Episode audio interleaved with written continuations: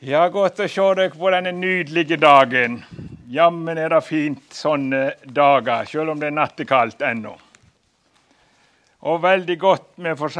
Jeg klager stunder på talerstolene, det er ikke fint å gjøre, men eh, altfor mange er lagd så bratte at har du bokmerke, så ruser de ned. Og, og Derfor skal en talerstol være nesten flat, og så skal det være en kjempestor kant nede. Så du er sikker på. Nå har ikke jeg det meste med meg til Jeg er ikke så flink til det, men eh, jeg har med et ark som jeg har skrevet noen ting, for jeg skal sitere ifra den bønna som øverstepresten ba når han la hendene på offerdyret. Vi skal altså prøve å særlig stoppe for det som gjerne blir kalt for Gamle testamentet sin langfredag. Vel ikke mange plasser i Skriften der frelsen blir tydeligere og sterkere forkynt enn i 3. Mosebok 16 men den er forkynt gjennom forbilde. På mange måter så må en jo si at det hele Gamle testamentet er jo Guds bildebok, der han underviser oss i hva de nytestamentlige ordene bærer i seg. Hva hadde vi visst om synd? Hva hadde vi visst om soning? Hva hadde vi visst om de ja, mellommann, øversteprest, hvis ikke Gud hadde forklart oss det så inngående i Det gamle testamentet? Så skal du komme djupt inn i Nytestamentet, så er det ingen andre råd at du får inn i Gamle testamentet. Og Da hadde jeg et ønske om at det kunne være med og bli først og fremst til oppbyggelse og mat, men òg at det ble en trang å være med å åpne Det gamle testamentet enda mer. Så du ble enda mer glad i din hele bibel. Jeg har sett på en del bibler. Så er de fine og blanke tre fjerdedeler. Lite grann til Salmenes bok kanskje som har fått begynne å få farge, men Nytestamentet blir brukt. Og Det er godt å bruke Nytestamentet, men hadde vi skulle hatt bare Nytestamentet, så kan du forlate deg på at Gud hadde gitt oss det. Men når Han har gitt oss en hel bibel, så er det for at Han som kjenner oss mennesker. Han vet vi trenger det. Det kan du være sikker på. Og jeg er helt enig med Augustin, som skal ha sagt at eh, det nye testamentet er skjult til stades i Det gamle testamentet. Og Det gamle testamentet er åpenbart i Det nye testamentet. Men i fullkommenhens. Ja. Ja, vi må prøve å, å samle oss i bønn. Kjære Herre og Frelser. Takk for det vi fikk høre til åpning, om at du, kjære Herre og Frelser, ber for oss i himmelen, og Den hellige ånd ber for oss i våre hjerter, når vi ikke engang vet hva vi skal be om, sånn som vi trenger som dine bånd. Du har hatt alt vi trenger i tanker. All vår frelse og alt godt har du ordna med. Det vil vi prise deg for så er vi så skrøpelige. Og så er vi så fattige. Og så banker vi på de dør. Vi kan ikke engang ta til oss ordet. Vi kan ikke forstå ordet uten Den gode Hellige Ånd vil opplate Skriftene og opplate øynene våre. Det ber vi deg om at du må gjøre. La det bli ei hellig stund der du får ha oss i din sjelesorg. Amen. Ja, jeg har lyst til å si litt om tredje Mosebok. Visstnok er det den første boka de jødiske guttene lærte utenat i Det gamle testamentet. Og De hadde oppfatta mye ting, for når de står og lærer utenat, så beveger de seg. Og det er det siste jeg har hørt nå, at du lærer ekstra fort hvis du gjør det. altså. Så det var en grunn til de har funnet den måten. Men den tredje Mosebok for mange så er det jo Ja, jeg skulle sagt gresk, altså.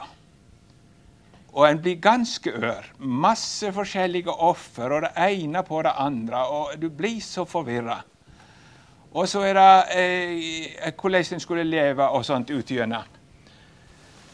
Da har jeg lyst til å peke på det at tredje Mosebok har nøyaktig samme inndelingen som mange av Paulus brev.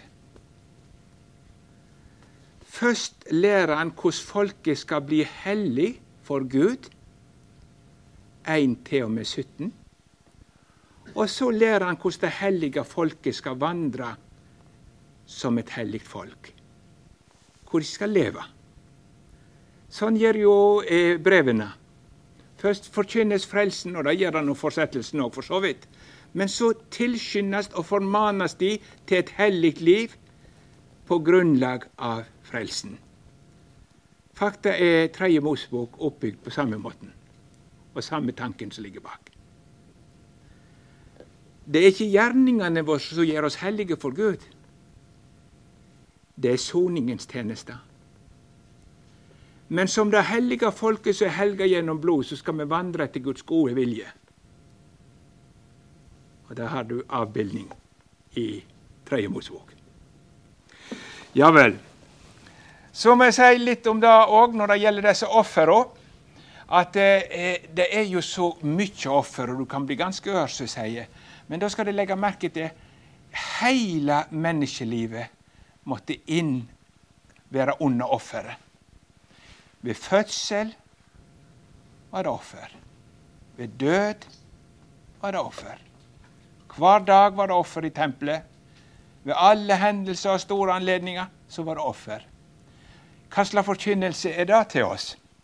Det sier for det første at det alt med oss mennesker er ureint. Urein fødsel. Når David har synda mot Batseba og kommer i Salme 51, så sier han ikke bare 'og nå har jeg falt i enkeltsynd'. Men sjå, jeg er født i misgjerning. Mor mi har avla meg i synd. Så det var ikke nok med bare enkeltsyndene, sånn som jeg tok bort, i går, eh, tok bort i går. Men det er jo hele mennesket som er ureint. Fødselen er urein. Alt er ureint. Og derfor må hele menneskelivet inn under offer og blod for å kunne stå for Gud. Alt trenger sonast. Alt trenger dekkast av forsoningen. Det er viktig å tenke på. Så om du ikke får noe annet ut av det, så skal du iallfall få det ut av det. Alt som menneskene holder på med, det må dekkes av forsoningen. Ellers så kan det ikke ha Guds behag. For det andre så er det to hovedgrupper med offer. Og Det ene er den gruppa som heter syndoffer, og det andre er gruppa som heter takkoffer. Og de er ganske forskjellige. Syndofferet er offer som blir båret fram fordi gudsforholdet er gått i stykker. Så skal ordne et ødelagt gudsforhold. Der kommer særlig syndofferet og skyldofferet i en særstilling. Når brennofferet står alene, så inneholder det i grunnen alle ofrene. Så brennofferet òg har sonende kraft når det står alene. Selv om det er i hovedsak er innvielsens offer. Så når det står alene, så innebærer det i grunnen alle ofrene. Så derfor er brennoffer det viktigste og står først når det blir oppregna i, i Tredje Mosebok. Men når de bar fram forskjellige offer, så var det alltid syndofferet som står først. For det skulle ordne forholdet til Gud. Gjenopprette det som har gått sunt pga. synden. Og så kommer brennofferet, der folket på nytt blir innvidd til Gud på soningens grunn. Og så kommer videre takkoffer og de forskjellige andre ofrene. Fredsofferet. Jeg kan ikke gå i detaljer på hver enkelt. Men det er, er oppfylt i Nytestamentet på den måten som vi har i brevene. Da heter det for Guds miskunns skyld skal det by dere sjøl fram som et levende offer fordi det er gjort soning, så skal du få ofre deg til Jesus. Og det er de åndelige gudstjenester. Som takk. Og så står det gløym ikke å gjøre godt, for slike har Gud hugnøy.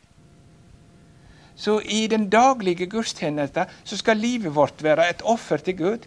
Gjerningene våre skal ofre ikke for å blidgjøre eller forsone Gud, men en takk for Han har ordna frelsen. For Guds miskunns skyld skal det by dere fram. Det er viktig å, å få med. Ja. Lite grann til om Tredje Mosebok. Bortsett fra de forskjellige renselsesforskrifter, ofringer og sånt, og bortsett fra de bud som eh, kommer sånn, så er det i første delen én spesiell hendelse, og i siste delen én spesiell hendelse. Og Begge to eh, Jeg skal forklare det bedre, men de skal vise hvor det går hvis en ikke følger Guds ord. Så det er Nå når vi skal begynne på kapittel 16, så står det om Arons sønner som bar fremmed ild innenfor Gud. Og de blir slått ned for Guds åsyn. Et veldig uhyggelig eh, avsnitt. Men det sikter altså til hvis noen prøver å gå utenom de frelsesordninger som Gud har gitt, så er det livsfarlig. En havner under Guds vrede. Og for å si det med en, nyteste, en sang fra våre dager Du kjem ikke utenom Jesus om du inntil livet vil gå.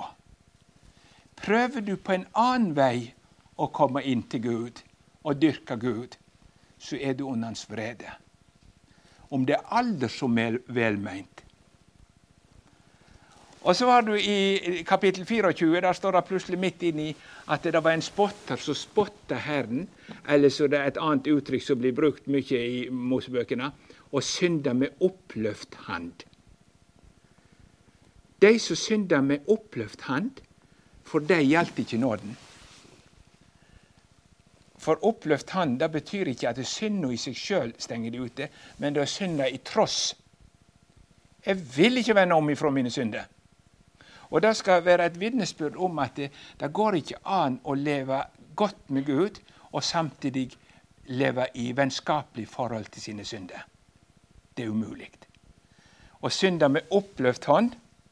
Og Til eksempel så blir det da vist til den spotteren som spotter Gud bevisst og vilja så blir han slått steina. Så da brydde han seg ikke om Guds ord. Og Derfor viser det seg den som ikke bryr seg om Guds ord, hva Guds ord lærer å si. Eller den som kaller seg en kristen og ikke vil at Jesus skal være min lærer. Han er ingen kristen. Det er umulig å stå på god fot med synden og samtidig følge Jesus.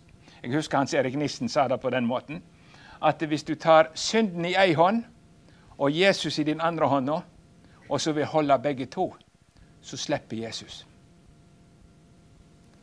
Han kan ikke godta at du står på god fot med dine synder. Og det kan jo heller ingen kristen gjøre. Helligånden gjør det sånn at du kan ikke få fred i synden, men du må bekjenne dem for Gud, søke nåde og forlatelse og styre dine steg tilbake til Guds gode ord. Ikke sant? Det kjenner vi til. Så, eh, så, du kan si midt inne i disse avsnittene så står det når de ser bort ifra det som Gud sier, hvordan det går da. Og nå, nå skal vi prøve å lese ifra det kapittel 16. Og Nå må vi nesten tenke at disse to timene henger sammen. Hvor langt det kommer i første timen, og hva som blir til andre timen, da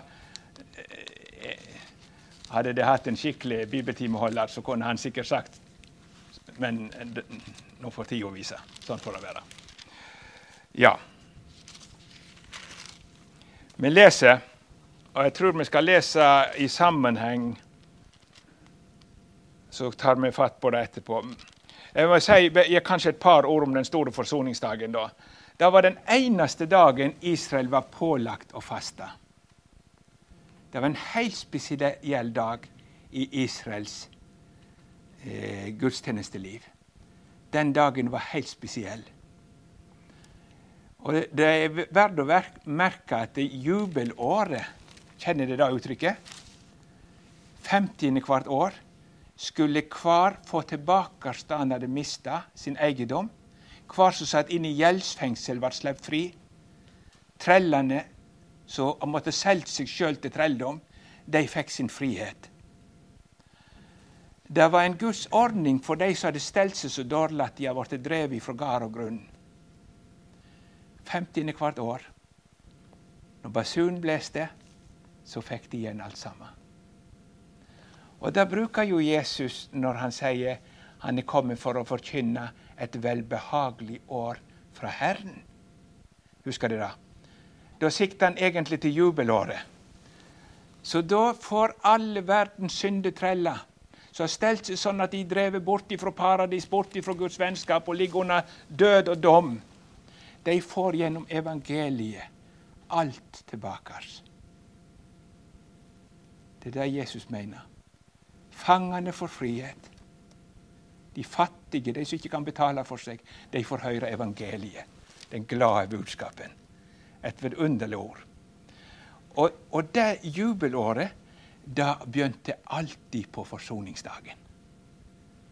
Og det tror jeg er Guds hånd for han skal forkynne noe om evangeliet, så er Jesus her vunnet oss ved sin soning og død. Jeg har lyst til å ta det med eh, før vi leser. Ja, nå leser jeg altså nynorsk, og det må følge med i biblene deres så langt jeg kan. Selv om jeg tror jeg skal lese rett, så er det godt å og så følger det med hvis det er uttrykk så annerledes, så ser dere hva det står i, i begge biblene. I Jesu navn. Herren taler til Moses etter at de to sønnene til Aron var døde, de som måtte dø den gangen de steg fram for Herrens åsyn. Og Herren sa til Moses, si til Aron, bror din, at han ikke hver tid som helst må gå inn i helligdommen innenfor forhenget framfor nådestolen, som er, er over paktkista, så han ikke skal dø. For jeg vil åpenbære meg i skya over nådestolen. Dette skal Aron ha med seg når han går inn i helligdommen en ung okse til syndoffer og en vær til brennoffer. Han skal kle seg i heilag underkjortel av lin og ha bukser av lin på kroppen sin. Han skal binde seg med, om seg med et belte av lin og sette ei lue av lin på hodet sitt. Dette er de heilage kleda. Og han skal lauge kroppen sin i vann før han tek de på. Av Israelslyden skal han få to geitebukker til syndoffer og en hver til brennoffer. Så skal Aron føre sin egen syndofferokse fra Jeg kan kanskje stoppe når jeg har lest de fem første versene nå. For jeg hadde lyst til å ta med litt til det som sto om bakgrunnen her. Og Da er vi altså i det, i det tiende kapitlet. Eh, der står det jo om disse Arons-sønnene som jeg nevnte. Nadab og Abihu tok hver sitt eldkar med glør og la røykelse på glørne, og bar fram en eld inn for Herrens åsyn. Det hadde han ikke gitt de påbud om. Da gikk det eld ut fra Herrens åsyn og fortærte dem, og de døde for Herrens åsyn. Da sa Moses til Aron, det var dette Herren tala om, da han sa på den som står meg ned, vil jeg syne meg heilag, og framfor øynene på alt folket vil jeg åpenbære herligdommen min. Og Aron tidde. Ja. Eh, det som har skjedd nå, er at eh, gudstjenesten er kommet i gang, og de har båret fram det første offeret. Og det offeret eh, svarte Gud og godkjente han gjennom å sende eld ifra himmelen og fortærte offeret. Og det tok folket og forsto de på den måten at Gud tok imot det. Det var velbehagelig for hans åsyn. Og hvorfor var det velbehagelig for Guds åsyn? For det var etter Herrens ord. Det var Gud gitt, altså. Og Dette syntes eh, Aronsønnene forslo så voldsomt at da tenkte de nå vil vi òg være med og bære fram enda mer offer. Og så gjorde de noe Herren ikke hadde sagt. Og så bar de fremmed ild inn. Hva skal det lære oss? Jo, som jeg sa, skal vi møte Gud, så er vårt eneste håp å holde oss til det Han har sagt. Ingenting annet duger for Gud. Vil jeg komme fram med mine egne påfunn, min egen dyrkelse, hjelper ikke. bare den frelsesordning som Gud har gitt, kan hjelpe oss. Som jeg nevnte i går, kristendom er 100% importert vare til denne verden. Det må være Gud gitt. Og det er bare det som kommer fra Gud, som kan stå for Gud. Og nå har Gud gitt sin egen sønn. Og det er kun gjennom han vi kan få nåde og yndest hos Gud.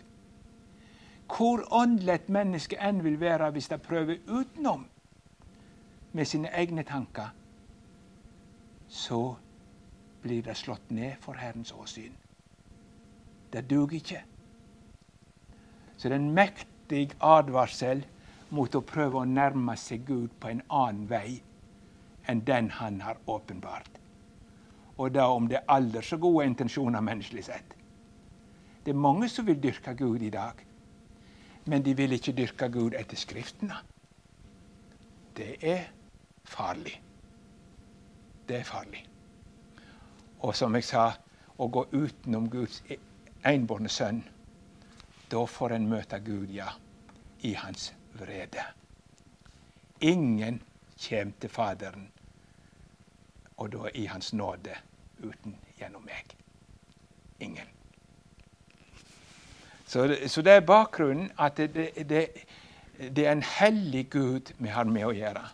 Og det skal fylle oss med frykt mot å nærme oss Gud på en annen måte enn den Han har vist oss til frelse og salighet. Og det skal minne oss om å ikke dyrke Gud på annen måte enn den måten Han har sagt i Ordet. Det er Gud som sier hvordan det skal gjøres, og hvordan det skal leves, og hvordan det skal ofres, osv. Ja, jeg kan ikke bruke mer tid på det. Ja, og så er vi kommet til den store forsoningsdagen. Og, og, og, da skal vi lese Jeg tror jeg fortsetter å lese, da, så skal vi ta eh, fram en del ting å stoppe for i tur og orden. Så vi kommer nok tilbake, men det kan være greit å Det står jo òg i Skriften at det legger vind på opplesningen av Skriften. Så nå gjør vi det. Vi følger det Guds ord. Så jeg leser videre. Så skal Aron føre sin egen syndofferokse fram og gjøre soning for seg og huset sitt. Og han skal ta de to geitebukkene og stille de fram for Herrens åsyn ved inngangen til samlingsteltet. Aron skal kaste lodd om de to geitebukkene. Ett lodd for Herren og ett lodd for Jeg vet ikke, står det hos dere Asasel? Ja. Her står det da eh, 'til å sende bort'. Det, det, er forklart og fortolka på den måten. Men det står Asasel, altså. Ett lodd for Herren og ett for Asasel, eller for den som skal sendes bort. Den bukken som fell på Herren ved loddkasting, skal Aron føre fram og ofre til syndoffer. Men den bukken som loddet hadde fallet på, den som skal sendes bort, skal stilles levende framfor Herrens åsyn for at det skal gjøre soning ved han, så han skal slippes løs for å sendes ut i øydemarka. Når Aron fører fram sin egen syndofferokse og gjør soning for seg og huset sitt, skal han først slakte syndofferoksen. Så skal han fylle eldkaret med glør fra alteret for Herrens åsyn. Og han skal fylle hendene sine med finstøtt angende røykelse og bære det inn for forhenget. Han skal legge røykelsen på elden framfor Herrens åsyn, så skyet av røykelsen løgner nådestolen som er over vitnemålet, så han ikke skal dø. Så skal han ta noe av okseblodet og skvetter det med fingeren sin på framsida av nådestolen. Og framfor nådestolen skal han skvette noe av blodet sju ganger med fingeren. Deretter skal han slakte den bukken som skal være syndoffer for folket, og bære blodet av bukken innenfor forhenget. Han skal gjøre med blodet av bukken slik han gjorde med blodet av oksen, og skvette det på nådestolen og framfor nådestolen.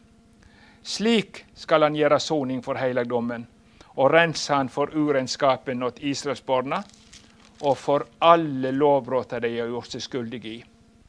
Likeens skal han gjøre med samlingsteltet som er reist mellom de, midt i urenskapen deres. Det må ikke være noe menneske i samlingsteltet når han går inn for å gjøre soning i helligdommen, til han går ut igjen. Slik skal han gjøre soning for seg, for huset sitt og for hele Israelslyden. Så skal han gå ut til alteret som er reist for Herrens åsyn, og gjøre soning for det.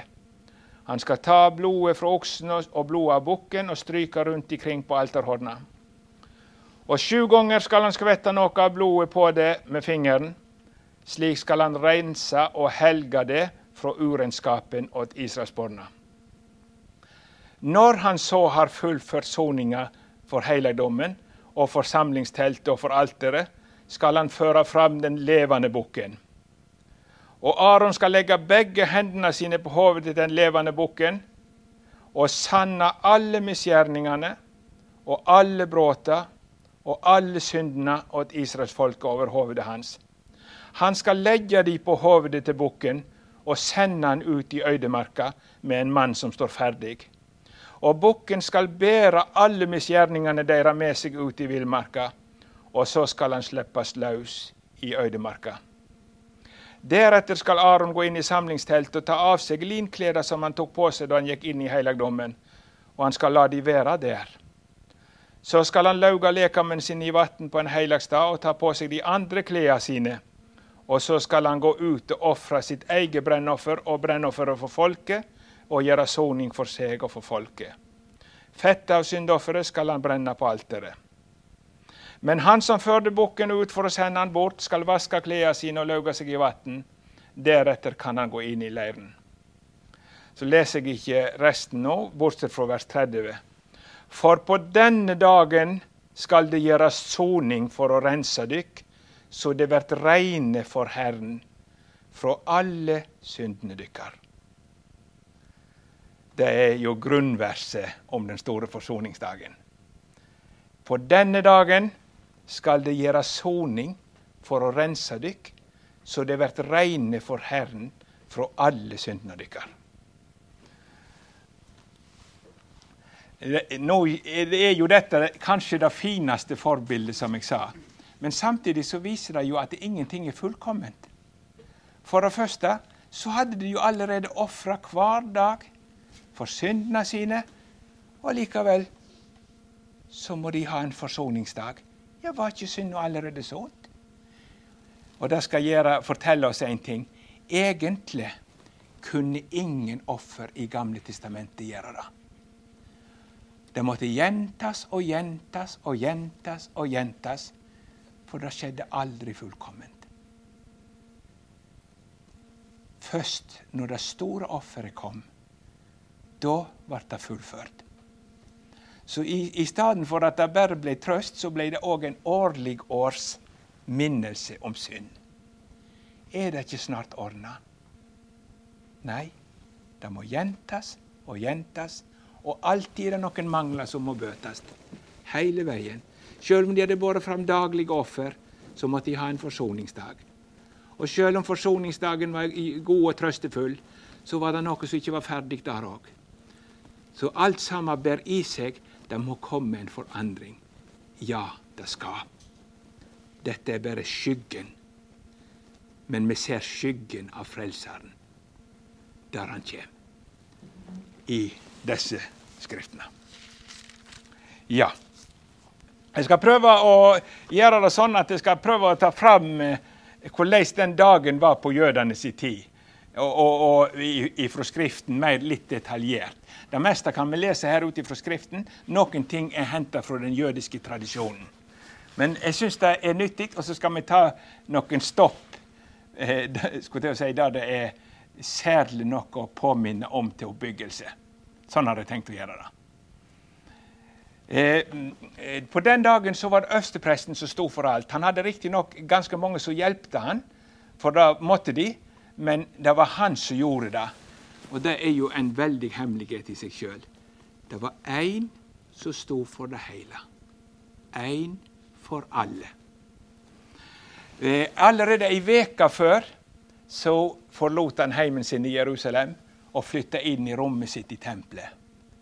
Og hele den veka var han stadig opptatt med å repetere og få undervisning i. Det var en spesiell fra Det høye råd som var utnevnt for å være sikker på at øverstepresten forsto den åndelige meningen med det han skulle gjøre. Så han ble undervist ei hel uke intenst om hva som skulle skje, så de skulle være sikre på det skjedde etter Guds ord og vilje. Eh, den siste kvelden eller ja, så ble det gjort én ting til. Det var til og med valgt en stedfortreder for han hvis han skulle bli sjuk eller ikke kunne gjøre tjenesta. Så måtte det stå én til klar. Så kunne, eller han skulle falle ifra og dø, så måtte det være en klar til å kunne gjøre soningens tjeneste. Eh, forsoningsdagen er for øvrig på høsten, eh, september-oktober den tiende dagen i den sjuende måneden. Fem dager før løvehyttepesten begynner. Det er jo i seg sjøl en preken, kanskje, men det kan lytte være. Eh, nå står det her om de spesielle ofrene, men hvis vi ser andreplass, i, i, så var det i tillegg de vanlige ofrene. Og eh, noen ekstra offer for den dagen. Og hvis det var en sabbat som var forsoningsdagen, så var det enda noe ekstra. Så utover disse som vi leser om her, så er det flere offer som var båret fram. Men når øverstepresten bar dem fram, da gikk han i den kledningen som vi snakket om i går. Den gylne skruden. Da hadde han vanlige presteklær pluss fire plagg til. Jeg nevnte visst ikke den tredje tingen, så jeg skulle ha tre ting som var forbildet i går. Sånn kan det være. Men jeg nevnte iallfall den brystplata og disse edelsteinene som var på og de bar han når han bar fram morgenofferet. De bar han når han bar fram brennofferet. Og de bar han når han avslutta med kveldsoffer om kvelden. Men, på, men, når han gikk inn i helligdommen, som vi leste om her, da bar han ikke de klærne. Det er ganske mange som ikke har fått med seg, men da gikk han i noen klær som var helt gjennomført lin. Lin de hvite klærne. Til og med beltet da skilte det seg fra den vanlige presteskeruden, som hadde eh, tempelets farger på beltet sitt. Men han hadde lin belte, lin eh, oppe og lin. Og det sier noe. Alt skulle det være virkekraftig, så måtte det gjøres av en som var rein. Husker dere hva klærne betyr når det står i Zakaria? Men øverstepresten Josfa var kledd i, i skitne klær der han sto framfor Herrens engel. Og så sier Herrens engel, ta av han de skitne klærne. Og til han sjøl sier han, sjå, eg tek bort di misgjerning og klær deg i høgtidsskrud.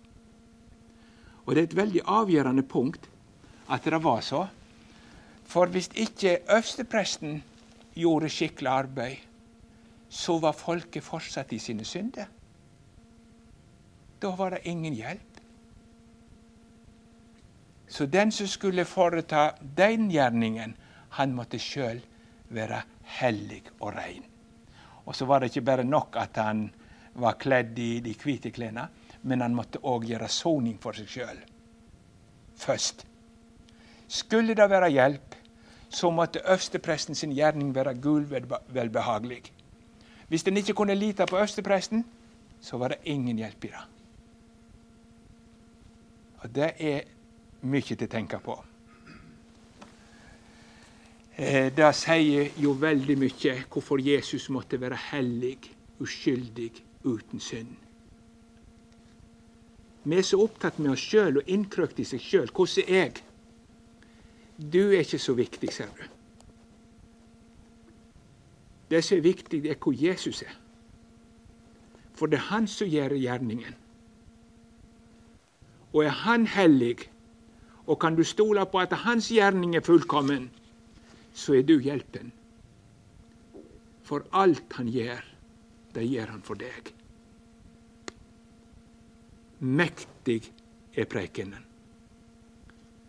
uten synd. Ingen kunne anklage ham for ei synd. Og til og med Pilatus måtte si jeg finner ingen synd hos han. Nei, det gjorde du ikke, Pilatus. Det gjorde heller ikke Faderen. Han var uten synd. Alt Jesus gjorde, var fullkomment. Og Derfor kan det hvile i at den som ordner gudsforholdet for dere, han gjør fullkomment arbeid. Det duger. Å, hvor godt det er, og hvor trøstig det er. Han kan forstå deg, for han er prøvd i alt. Men han er prøvd i alt uten synd. Han var i seg sjøl rein. Gjerningene hans er Gud velbehagelig fra ende til annen.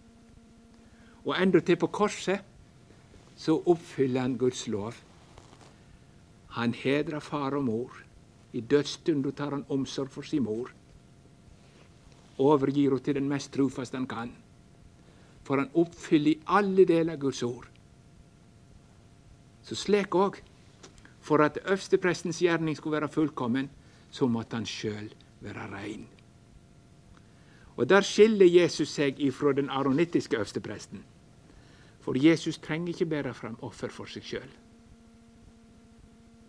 Han var fullkommen. Men øverstepresten var ikke fullkommen i Gamle testamentet. Derfor måtte han først kle seg i klær. Han måtte gjøre soning for seg. Skulle gjerningen hans være gagnig for folket, så måtte han sjøl syndordnast. Ja vel. Så når han hadde båret fram eh, offeret, eh, morgenofferet i de vanlige gylne skrudene, så blir han, vasker seg, og så tar han av seg den gylne skruden, og så bader han. Han bader mange ganger den dagen. Og Det sier noe om det var så viktig at det ikke var smitte av noe ureint.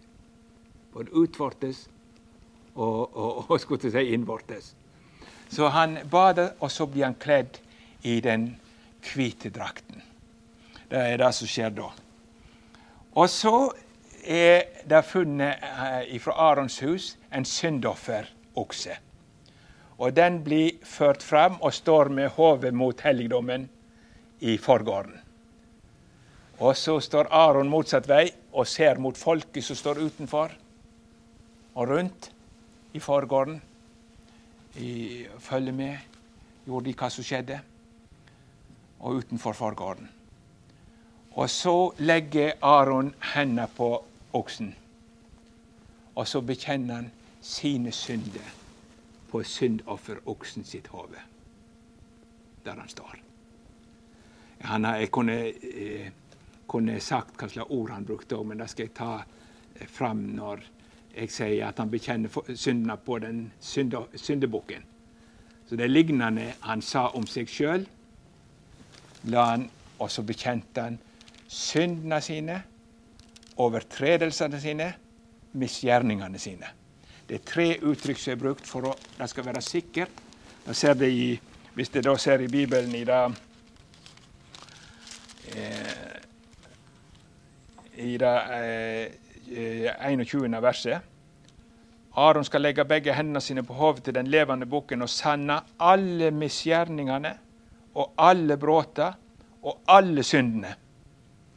Så det, det, det er trykt ut med alle uttrykka.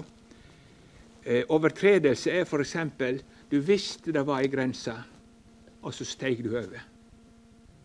Så det er synd du anklager deg i hjertet for du har gjort noe du visste gjorde var galt, og gjorde det likevel.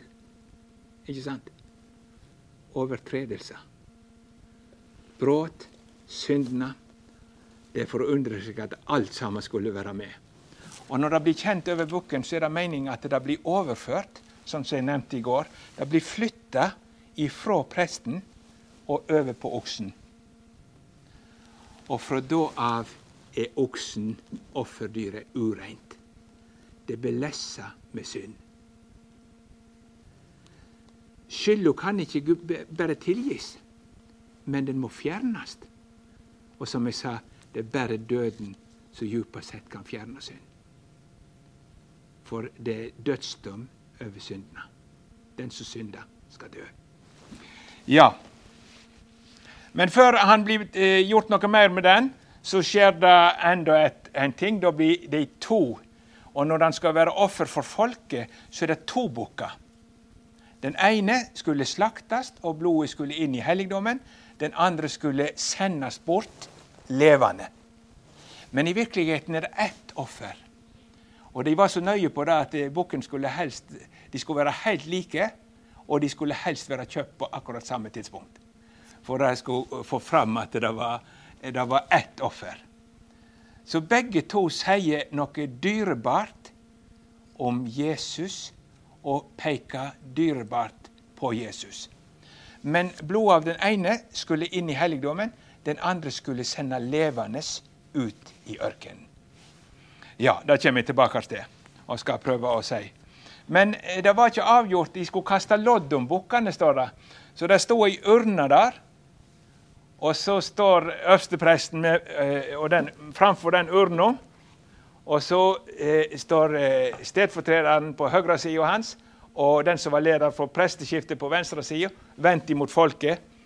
Så rister de urnen godt. Det ligger to lodd. På ene står det 'for Herren', og på det andre står det 'for Asasel'.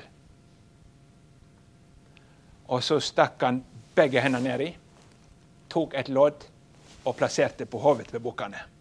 Bukkene sto vendt mot helligdommen. Så sånn skjedde det. Eh, de trekte lodd. Og eh, eh, så står det da på ene bukken for Asas el, på den andre bukken står det for Herren. Der ligger loddet oppå. Så da er bukkene avgjort hvem som skal inn for Herren og hvem som skal sendes bort. Seinere har rabbinerne kommentert det, for det var godt tegn når den som skulle inn for Herren eh, Det står ikke i Skriften, men de har, de har eh, meint det. da. Den, når den som var på høyre sida, det som ble i høyre hånda, ble for Herren, så var det tegn på at Gud godtok offeret. Og det har jødene skrevet i sine egne skrifter at etter det 40. år før Jerusalem falt, så ble det alltid venstrehåndslodd. Med det har de slutta at offeret var ikke lenger velbehagelige. 40 år før tempelet falt, det er Jesu dødsår. Det er, syns jeg, talende. For da har jødene registrert at etter den dag var soningsofrene ikke velbehagelige for Gud. De var det nok ikke alltid heller selv, men da var det konsekvent. Og det veit vi grunnen, for nå var det endegyldige offeret kommet, så aleine skulle være gyldig som sonoffer. De andre er nå avskaffa. Skal aldri bære fram soningsoffer mer for det gjorde han én gang for alle. Ja. Ja, vi må ta steg for steg. Og da blir den bukken så eh, var, eh, De står altså mot helligdommen. Jeg sa det, bukkene står den veien. Da blir den bukken som skal sendes bort, snudd tvert rundt, så han står vendt mot folket.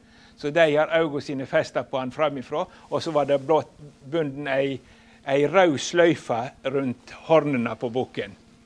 Så der står da bukken som skal bære folkets misgjerninger eh, til øynesyn for folket. Eh, Fortolkerne, når de kommer til det, så drar de ofte fram når Pilatus fører Jesus ut for folket og sier Sjå det mennesket. Sjå du den bukken som skal bære dine misgjerninger bort. Sjå du den bukken. Ja, det er jo et sterkt eh, bilde. Ja Når oks, Så tar Aron og dreper eh, Oksen, Og så eh, tar de blodet av han, og det står en mann der. og For å hindre koagulering i et kar tappes blodet opp. Oksen ligger der, og blodet blir tappa i karet, og den mannen står og, og holder blodet i bevegelse så det skal være flytende. Og det som er meningen med blodet, er livet utgitt.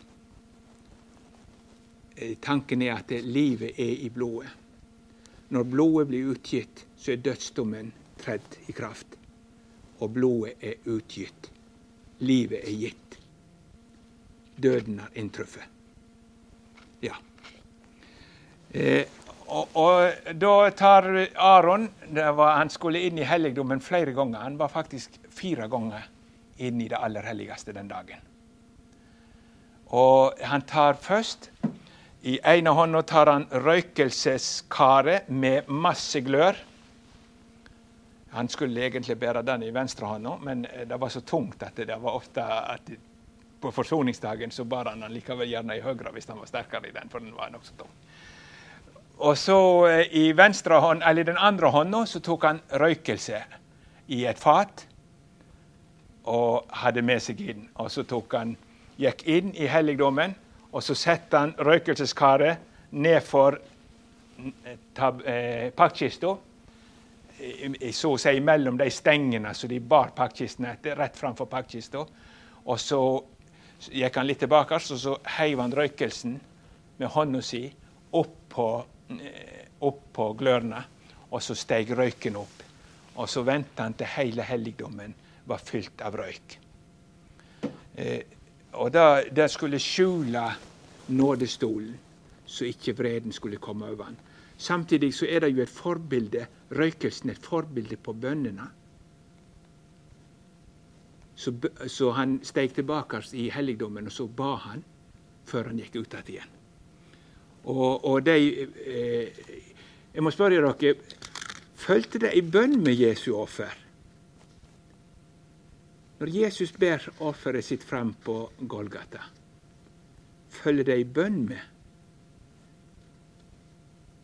Ba Jesus om noe på korset? Husker de det? Fader, forlat deg. Er ikke det sterkt å tenke på? Når jeg nå bærer meg sjøl fram, så det er én ting jeg vil ha. Syndenes forlatelse, de som sendte meg til korset. Og Da kan du jo si det var soldatene som spikra han fast. Fire stykker satt de der nedfor. Men de var jo håndlangerne våre. Så det er jeg som sendte Jesus på korset med mine synder. Og det er du som sendte Jesus på korset. Og når Jesus da bærer fram offeret sitt, så kommer han med forbønn for de som sendte han der. Jeg ber om syndenes forlatelse for de som sendte meg til korset. Og da får han i den mening at fra korset av ligger syndenes forlatelse ferdig til hvert eneste menneske. Jesus har vunnet syndenes forlatelse. Om den enkelte personlig får del i det, der gjelder nok fortsatt ordet til Abraham jeg vil velsigne den som velsigner deg. De som velsigner deg. Og den som forbanner deg, vil jeg forbanne. Sånn som de stiller seg til evangeliet og dets utsendinger. Sånn blir den personlige delen. Men det ligger ferdig for alle. Ikke sant? Jeg hadde lyst til å ta det fram. jeg syns det er så trøstig. Og Luther mener jo det var den talen når han ba om forbønn for sine som tente håp i røveren som henger der. Kunne du be for de råskjedd nå, så hadde du kanskje barmhjertighet for en røver som ikke har gjort annet enn ondt. Og så tennes troen hans i hjertet. Så han får nåde til å rope til Jesus om uh, i det håpet at han måtte ikke glemme røveren. Det var hans eneste håp. Ja er jo veldig å tenke på. Hvor langt er vi kommet med tida nå? Er det tid å ta pause? Kanskje vi skal gjøre det? Så fortsetter vi etterpå. Vi må, ha, vi må jo ha en sang. Ja, vi ber. Kjære Herre og Frelser. Vi takker deg for vi får være for ditt ansikt og høre ditt ord. Og så takker vi deg for du bar fram du er en fullkommen øversteprest som har båret fram et fullkomment offer som for evig har vunnet utløsning og frelse. Jesus, det er så godt å høre om deg. Troen kommer av forkynnelsen, står det. Og det opplever vi. Vi ber om at du må åpenbare ordet. Så takk om å prise deg, for du var villig å gå. Amen.